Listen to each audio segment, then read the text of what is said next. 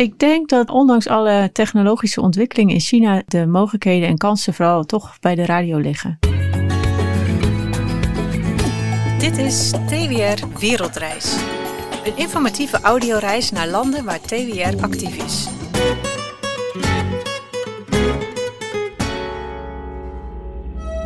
In deze eerste serie van TWR Wereldreis nemen we u mee naar China. In 10 afleveringen vertellen we u alles over het grootste en meest invloedrijke land van Azië. Aflevering 10: Taiwan en de toekomst van China. We zijn aan het einde gekomen van deze wereldreis naar China. In tien afleveringen bespraken we veel thema's over geschiedenis, de economie, de gezondheid en het werk van TWR in China. En vandaag blikken we vooruit, want het is spannend hoe China zich zal gaan ontwikkelen in de wereld. Nou, en bij mij in de studio zitten weer twee mensen. We hebben uh, samen een mooie reis gemaakt. Joke Kijkers, leuk dat je er bent. Mm leuk dat je er bent. Ja. We beginnen met Taiwan, want... Uh, nou ja, Taiwan is denk ik wel het spannendste, uh, de spannendste ambitie, denk ik, als het gaat om China, of niet? Denk het wel, ja. ja Ze willen gewoon Taiwan weer inlijven. Ja, dat is wel het idee. En dat moet voor 2049 gebeuren. In China, ja. Taiwan is de naam van het eiland, tenminste zo kennen wij het. Maar officieel heet Taiwan de Republiek China. En dat is toch wel een beetje vreemd. Want nou ja, China, de Volksrepubliek China noemt zich ook China. Maar Taiwan noemt zich dus officieel ook de Republiek China. Hoe zit dat? Nou, het onderscheid is dan Volksrepubliek. Hè? Uh, dus Taiwan heet de Republiek China als een voortzetting van de Republiek China. Die in, twee, in 1912 werd opgericht door uh, Sun Yat-sen, de vader des vaderlands. En die, die in 1949 uh, verdween door de, uiteindelijk door de uitkomst van de burgeroorlog. En uh, toen is, toen is het nationalistische bewind, dat, dat was de tegenstander kun je zeggen, uh, van Chiang Kai-shek, de nationalistische regering, is naar, naar Taiwan gevlucht of in feite geduwd. De verliezende partij van, van 1949, de burgeroorlog, ja. is naar ja. Taiwan gegaan en heeft daar een eigen staat gesticht. Ja, dus eigenlijk het conflict tussen Taiwan en China gaat al heel lang terug en zeker tot 1949. Ja, en eigenlijk tot, tot 1912 toen het keizerrijk dus uh, uiteindelijk republiek werd. Maar Taiwan ziet zich dus eigenlijk als het echte China. En de Volksrepubliek... Als voortzetting van dat China, ja. ja van, eigenlijk van China. Ja. En de Volksrepubliek is gekaapt door de communisten. Ja. Zo ja, moet je het zien. Daar komt het wel neer. Maar toch wil die Volksrepubliek, die wil Taiwan inlijven. Ja, omdat men vindt dat Taiwan natuurlijk historisch gesproken, hoewel dat dan op dat moment ook niet zo duidelijk was, want Taiwan was daarvoor, voor 49, 50 jaar onder Japans bewind geweest. Waarom moet en zal China, en met name Xi, die wil echt uh, Taiwan inlijven. Waarom moet en zal hij Taiwan terugkrijgen bij China? Waarom is dat zo hij, verschrikkelijk belangrijk voor Omdat hij Taiwan beschouwt als onderdeel van, van China. Als, als historisch onderdeel van China. Zoals hij dat ook uh, van Hongkong uh, vond, vindt. En van Macau. En dat is een andere andere lijn van gedachten kun je dan ook zeggen. Eén China en twee systemen. Dat zou ook voor Taiwan een oplossing kunnen zijn uiteindelijk. Uh, maar allemaal wel onder de vlag van het ene China.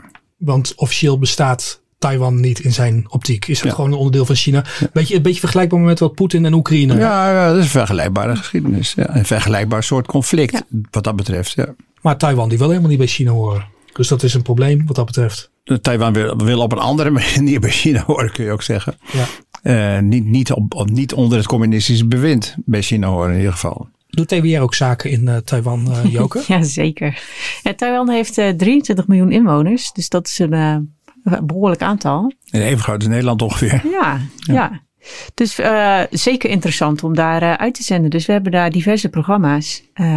Wat interessant genoeg uh, wel programma's zijn die we ook in China uitzenden. Dus het is niet zo dat we speciaal voor Taiwan programma's maken. Maar dat zijn bestaande programma's die in China ook uitgezonden worden. En dan uh, ja, zijn dat talen als het Mandarijn, het Hakka, het Oeigoers zelfs, Kantonees.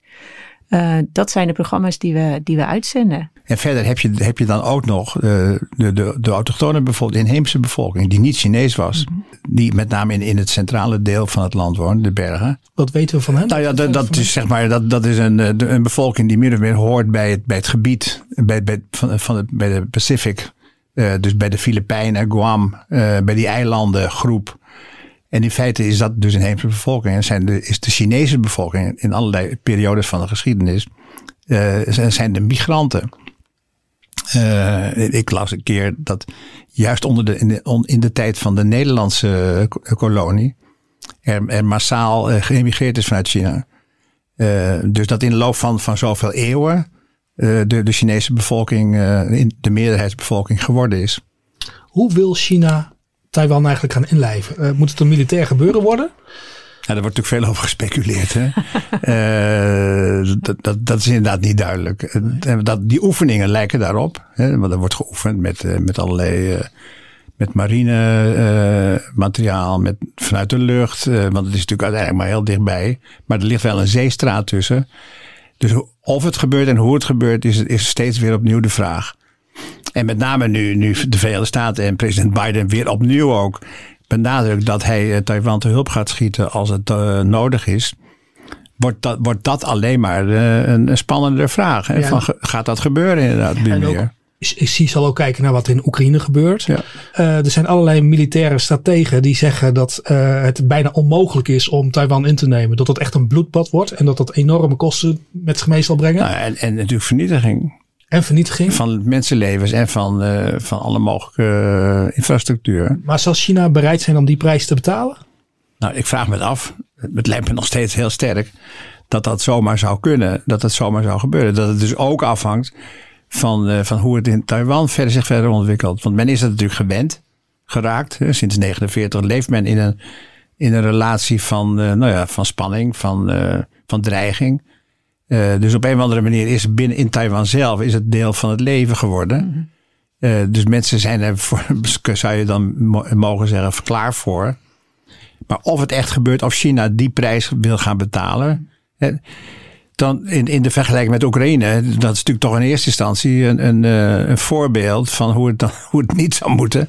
Uh, en, en, en, de, en de president Xi is ook redelijk stil wat dat betreft. Hij heeft, heeft zich niet uitgesproken uh, in, in, uh, in het voordeel van Rusland of als steun voor Rusland. Ja, en wat ook apart is, is dat Taiwan eigenlijk een beetje een speelbal is. Ja. Het, het, gaat helemaal niet zozeer om de inwoners van Taiwan. Het gaat vooral om de relatie tussen China en de, en de VS. Ja. Dat zag je ook met het uh, bezoek van Nancy Pelosi. Ja. En wat je ook zei, de mensen eh, weten al vanaf 1949 dat er spanning is. Dus zij gingen heel vrij relaxed met dat bezoek om. Terwijl de wereld met spanning toekeek van wat gaat er gebeuren. Je zag ook militaire acties daarna, dat er oefeningen gedaan werden uh, het, het, het, land ook omsingeld werd. Maar het heeft nogal wat gevolgen. En, en ik denk dat zowel de VS als China nu een beetje een afwachtende houding in gaan nemen. En zeker niet uh, de eerste willen zijn. Dus of er op korte termijn iets gaat gebeuren, dat vraag ik me af. Je zegt het al een beetje, hè? de inwoners van Taiwan leven al 70 jaar met die dreiging en die angst.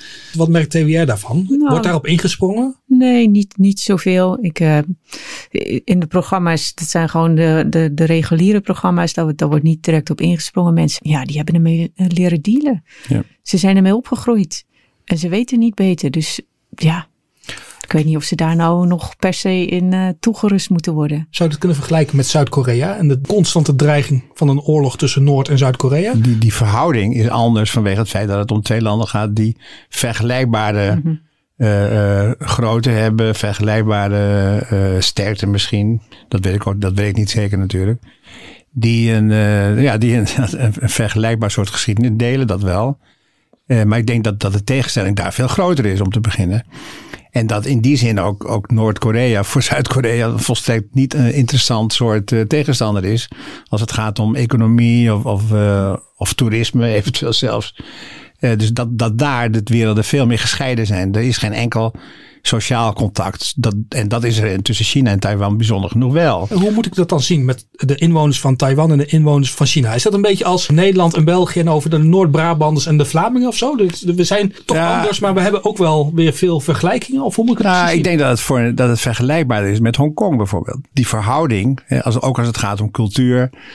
Uh, vergelijkbaar is met die van tussen Hongkong en, en, uh, en China. Dat is inderdaad cultureel ook. En dat is vergelijkbaarder misschien met Duitsland uh, dan met België. Want uiteindelijk is het Vlaams en het Nederlands uh, min of meer dezelfde taal. Terwijl Kantonees en, Mandarijn toch behoorlijk verschillend van elkaar zijn.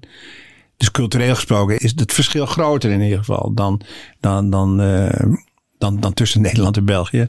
Dat is wel een punt. En in Taiwan geldt dat tot op zekere hoogte ook. Hoewel het Mandarijn van Taiwan hetzelfde is als dat van China. Met weer het verschil in schrift. Dat is in Taiwan traditioneel. En in China is dat vereenvoudigd. En, en het is natuurlijk het politieke, die politieke geschiedenis die je niet meer kunt, kunt wegschrijven. Die bezetting door Japan, dat is inmiddels een eeuw geleden ongeveer. Uh, speelt nog steeds wel een rol. In die zin lijkt Taiwan ook wel een beetje op Japan. Joke, jij bent pas nog in Taiwan geweest. Ja, ik ben daar zeker geweest. dat was een, uh, een overstap die we daar hadden. Ik vond het verbazingwekkend op China lijken. Ja, ja, oké. Ja. nee, ja, de hele, de, vooral de hele aanpak rondom uh, het virus. Ja, ook, ja, dat, ja, waar, dat was echt, echt heel erg Chinees. Ja. ja. We gaan weer even luisteren naar een leuke wetenswaardigheid over China en in dit geval over Taiwan. Wist je dat? Wist je dat? Wist je dat? Dat wist je niet. Wist je dat? Wist je dat de vroegere naam van Taiwan Formosa was? In 1583 voer een Portugees schip langs het eiland. De kapitein van het schip noemde het eiland Ilha Formosa, wat betekent prachtig eiland. Ilha Formosa, prachtig eiland. Wat betekent het woord Taiwan dan eigenlijk, Tjeerd? Ja, ik heb het nog even opgezocht. Het betekent buitenlanders. Uh, en dat had te maken met, met Chinese migranten die in het zuiden uh, dan af en toe kwamen. Uh, en dat was maar voor op een deel van het eiland. En dat dus een deel van het eiland, in, rond de stad Tainan in het zuiden, is het eiland geworden, de naam van het eiland geworden. En de volgende groep buitenlanders, daar waren de Nederlanders. Op ongeveer diezelfde plek. En, en toen, wat ik eerder zei, toen is de massale migratie op gang gekomen. Onder andere omdat dat gebeurde in, in de overgang van de ene naar de andere dynastie in China. Oh ja. Dus dat was, het was ook toen een burgeroorlog geweest. En, uh, en, en dus ook, uh, ook die relatie was een relatie van met name mensen die, die vertrokken. En in, in, uh, in Taiwan, wat toen dus maar voor een deel Taiwan Formosa heette. dus dat is wel, wel een deel van de geschiedenis, die Chinese migratie. Maar zie je ook nog Nederlandse en Portugese invloeden in Taiwan? Nou ja, je hebt, je hebt daar nog een fort, dat heet de Fort Zeelandia. Uh, je hebt Fort Provincia heet het. Uh, er zijn nog wat, wat resten van de Nederlandse forten. Er is ook een geschiedenis van een Nederlands hervormde kerk. Er zijn, er zijn, nou ja, dat zijn dan archieven natuurlijk vooral. Dat zijn ongeveer de enige uh, zichtbare dingen. Dus ja, er is een geschiedenis in die zin met Nederland. En, en, en ja, toen is Nederland behoorlijk, op behoorlijk grote schaal verslagen door, eh, door, door een Chinese rebellenleider. Die vanuit die burgeroorlog in China uh, zijn ogen op Taiwan had laten vallen. Ik vroeg me al af waarom ik dit niet wist. Maar eh, de, je nederlagen schrijf je nooit op in je geschiedenisboek, toch? Nee, nee, dus vandaar, oké. Okay. Joke, je noemde, al, uh, je noemde al iets over het werk van TWR in Taiwan. Hoeveel medewerkers van TWR zitten er eigenlijk in Taiwan? Voor het maken van de programma's hebben we niet direct mensen daar nodig. Voor de follow-up wel. Dus dat betekent dat als mensen willen reageren op het programma. En dan schakelen we meestal lokale kerken in. Ik ben benieuwd hoe de inwoners van Taiwan aankijken tegen die dreiging. Gaan zij er ook vanuit dat China op den duur naar hun land komt te binnenvallen? Houden zij daar echt letterlijk rekening mee? De huidige regering is een nieuwe uh, regering ten opzichte van de geschiedenis. De Kuomintang, de partij van de, de nationalistische partij is heel lang de een, het één partij, uh, heeft een eenpartijbewind gevoerd. Sinds 2000 is er een oppositiepartij ook, uh, ook gekozen en aan de macht gekomen, aan de, in de regering gekomen. En die heeft een wat, een wat, uh, wat al radicaler anti-Volksrepubliek anti, uh, China standpunt dan de Kuomintang bijzonder genoeg. Die veel meer uitgaat van dat idee van een soort vreedzame coexistentie. Misschien binnen uit vroeg of laat dat ene China. dus de huidige regering is, is behoorlijk, ja, behoorlijk duidelijk in haar standpunt.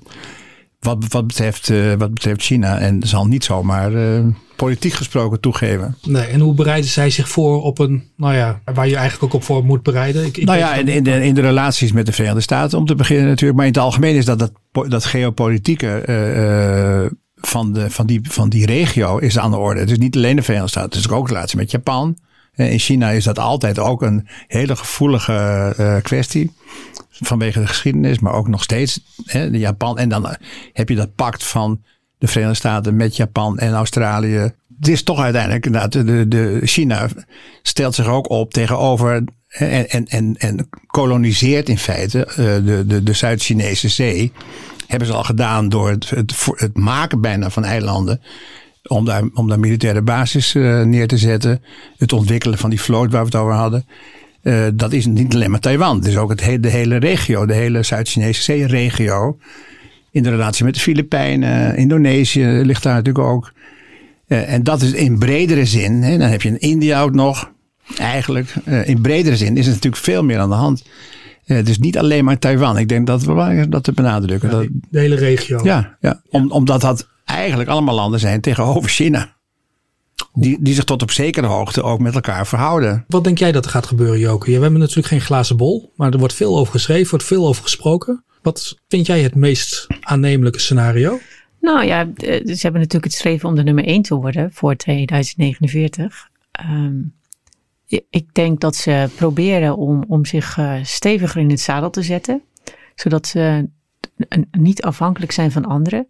Want wat je nu ziet gebeuren bijvoorbeeld in Oekraïne en Rusland. Uh, er zijn uh, boycotts tegen Rusland. Ja. Nou, dat heeft behoorlijke gevolgen voor de hele economie daar. Uh, dat gaat ongetwijfeld ook gebeuren als China Taiwan wil innemen. Dan gaat de wereld China boycotten. En dat moet je wel aankunnen. Dus ik denk dat ze zelf, zichzelf eerst steviger in het zadel willen zetten. Zodat ze dat aankunnen. En pas als ze dat aankunnen, dan, dan zullen ze een poging wagen militair. Ja, ja, misschien wel. En ik vraag me ook af wat, uh, wat de VS gaat doen.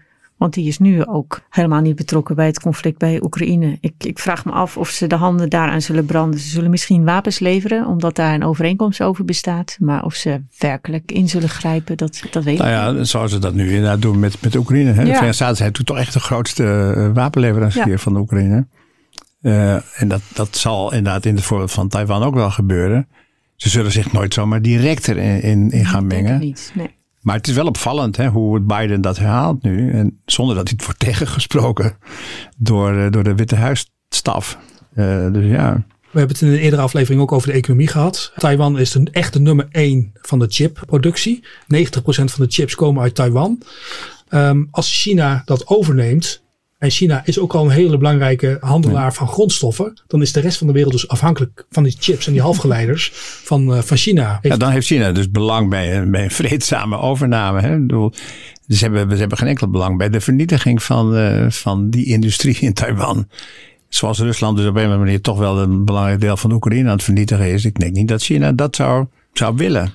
Uh, omdat ze er ook geen enkel belang bij hebben. Dus ik denk dat het op een, inderdaad op een wat vreedzamer, om het zo maar te noemen, manier zal gebeuren. Via, ja, toch uiteindelijk via de politieke weg van uh, misschien intimidatie uh, of, of uh, regelgeving. Ik weet het niet. Jij ziet dat eerder gebeuren, een, een, vreedzame hereniging dan een militaire hereniging. Nou, ik kan me, ik kan me niet voorstellen dat, dat, China à la Poetin zomaar een, een echt een invasie zal op touw zetten. Dat, ik kan me niet voorstellen dat dat zomaar gebeurt. Maar goed, je weet het maar nooit. Ik denk dat het weer tijd is uh, om even naar een wat vrolijker, uh, vrolijker onderwerp te gaan. we gaan weer even luisteren naar een Wist je datje? Wist je dat? Wist je dat? Wist je dat? Dat wist je niet. Wist je dat? Wist je dat de Chinese pandabeer wordt gebruikt om relaties met andere landen te verbeteren? Met een aantal landen is een soort uitwisselingsproject waarbij panda's uitgeleend worden. Ook in Oude Hans Dierenpark. Bij Renen wonen panda's uit China. Nou, we noemen het al, hè? Panda's uh, in de. Uh, Pandadiplomatie. Pandadiplomatie, moeilijk woord. In 2049 bestaat de Volksrepubliek China 100 jaar. En dat wordt gezien als een mijlpaal waar nu al heel hard naartoe wordt gewerkt in China. Waar moet China dan staan op het wereldtoneel, Cheert? Dat China zelf vindt dat ze dus op nummer 1 moeten staan. En, en dat dat economisch met name uh, ook zal gebeuren. Waarschijnlijk als het doorgaat zoals het nu doorgaat. En eventueel ook ondanks de vergrijzing van de Chinese bevolking. Dat, dat is ook echt een uitdaging. Dus het is, gaat om aanzien ook vooral. Het is natuurlijk macht. Hè. Uh, China, mensen willen macht, uh, ook in China. Maar ik denk dat het vooral gaat om, om, om dat soort aanzien, om erkenning van, uh, van, de eigen, van het belang van die eigen cultuur daar. dat dat soort argumenten ook een rol speelt. het is een doorgaand proces natuurlijk. Je kunt duidelijk zien dat het ook succesvol tot nu toe geweest is als het gaat om mensen uit de armoede halen, het, uh, nou ja, het leven van alle dag verbeteren. Uh, en dat zal alleen maar doorgaan. Dus ik denk dat in die zin uh, de president echt op koers ligt. en dat dat ook alleen maar verder wil. Je zei net dat Xi tegen de 70 is. Hè? Ja, nu, ja, dus in 2049 zou die, nou, hij gaat het waarschijnlijk zelf niet meer redden. Nee, Dan zou die tegen de 100. ja, ja, 95 of zoiets. Joker, 2049, China nummer 1. Ben je alvast Chinees aan het leren? nee. nee, dat laat ik aan anderen over. Het lijkt me veel te ingewikkeld. Hoe kijk je aan tegen de toekomst van China als het gaat om de verspreiding van het evangelie in, uh, in dat land? Blijven er mogelijkheden of wordt het ook steeds lastiger? Nou, het team bereidt zich al voor op uh, moeilijkheden. Uh, daar moet je altijd op voorbereid zijn. En ik denk dat het ook wel ja, heel gezond is. Ik bedoel, het is ook heel bijbels dat je, dat je ziet dat ware gelovigen verdrukking zullen meemaken. En dat het, dat het niet allemaal van een leien dakje gaat. Tegelijkertijd denk ik dat we ook wel hoopvol mogen zijn. Kijk, net als dat China idealistische doelen heeft om te halen, hebben wij dat ook. Dus laten we zeggen, voor 2049 heeft iedereen van Jezus Christus gehoord. Dat is een uh, mooi doel. Ja. Dat is, dat is een harde doelstelling van TWR in China. Nee, nee, nee. Dat is gewoon... Uh... Nee, maar een, een, van de bijzondere cijfers is altijd dat er in Azië meer niet-christenen wonen dan er christenen in de wereld wonen. Uh, dat uiteindelijk in Azië, dan heb je het over China, maar ook over India en ook over Japan uh, ja, daar wonen 60% van de wereldbevolking woont in Azië. Dus de, wat dat is er nog genoeg te doen. Ja, zeker. Ja. Hoe speelt TWR daarop in? Ja, op een creatieve manier toch wegen proberen te zoeken waar, waar ze het evangelie kunnen brengen. Dus dan uh, kijk je wat de mogelijkheden zijn. Je kijkt niet naar de onmogelijkheden. Je kijkt gewoon wat is er nog wel mogelijk. En waar liggen met name de mogelijkheden? Ik denk dat uh, ondanks alle technologische ontwikkelingen in China uh, de mogelijkheden en kansen vooral toch bij de radio liggen.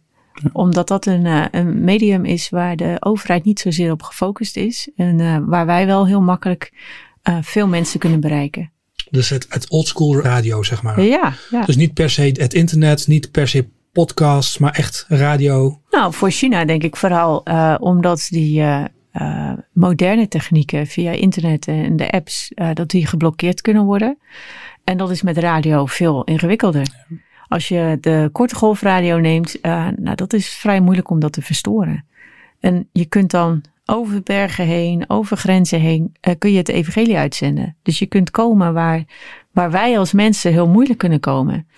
En dat is denk ik wel een groot voordeel. Dus je kunt veel mensen tegelijkertijd bereiken zonder dat je veel risico loopt op verstoring. Maar we maakten net een beetje een grapje erover, hè, dat uh, Taiwan in 2049 weer uh, bij China moet horen en dat TWR dus ook doelstellingen heeft. Maar heeft TWR bepaalde harde doelstellingen in, in China? Jazeker. Ja, we hebben het uh, Verhoogde Zoonproject, daar heb ik het al eerder over gehad. En dat Verhoogde Zoonproject heeft als doel om uh, voor 2030, dan heb je dat jaartal weer, een groot aantal uh, volken ja, te bereiken die nu niet direct bereikt zijn, die het evangelie van Jezus Christus nog niet hebben gehoord. En we hebben daar een aantal talen bij geselecteerd, een aantal volken. En ik denk, als ik kijk naar de rapportages die ik nu binnenkrijg, dat we die doelstelling wel gaan halen. Mooi. Cheers. Ik wil je heel erg bedanken voor deze serie. Ik heb wat meegenomen, ook namens Joker. Dat ga ik je eventjes geven. Oké, okay. nou. Ben benieuwd. En daar heb ik een uh, kleine toelichting bij. Want uh, we hadden bij het, officiële, het originele plan, toen wij deze podcastserie gingen maken, hadden wij ook een onderwerp op de lijst staan die niet aan bod gekomen is. En dat was de Chinese keuken. en dat had te maken ook met al die dierenmarkten en over nou ja, de, de, gek, de gekke, gekke dingen zeg maar, die er in China plaatsvinden. Nou ja, helaas heeft dat onderwerp het niet echt gered, want er waren belangrijkere thema's. Maar ik heb wel een, een cadeautje wat toch een beetje met dat thema te maken nou. heeft. Als dank voor jouw bijdrage aan deze serie. Heel graag gedaan. ik ga het openmaken nu. En ik ben ondertussen heel erg benieuwd welke lied jij meegenomen hebt, waar we mee gaan afsluiten. Ik had als, uh, als lied als afsluitende zegenbeden het lied Kom, o bron van zegeningen. Kijk. Dat is het afsluitende lied. Ik wil iedereen heel erg, erg bedanken voor het luisteren naar deze serie van uh, Wereldreis. Cheert, wat is het? Chinese. Chinesisch. Een niet zo klassiek kookboek. Nou, hartstikke leuk. Er zijn allemaal gerechten in met gebakken hond en Oké. Okay. Uh, je moet er wel voor naar China hoor. Ja, ja, ja, ja, ja. Ontzettend leuk. Dus nogmaals dank. Dankjewel. En, uh, nou, jullie bedankt voor de gelegenheid om te delen of iets over China te vertellen. Joke natuurlijk ook heel erg bedankt. En uh, nou, wellicht spreken we elkaar verder binnenkort over ja. andere projecten in Azië. Dat zou maar zo kunnen.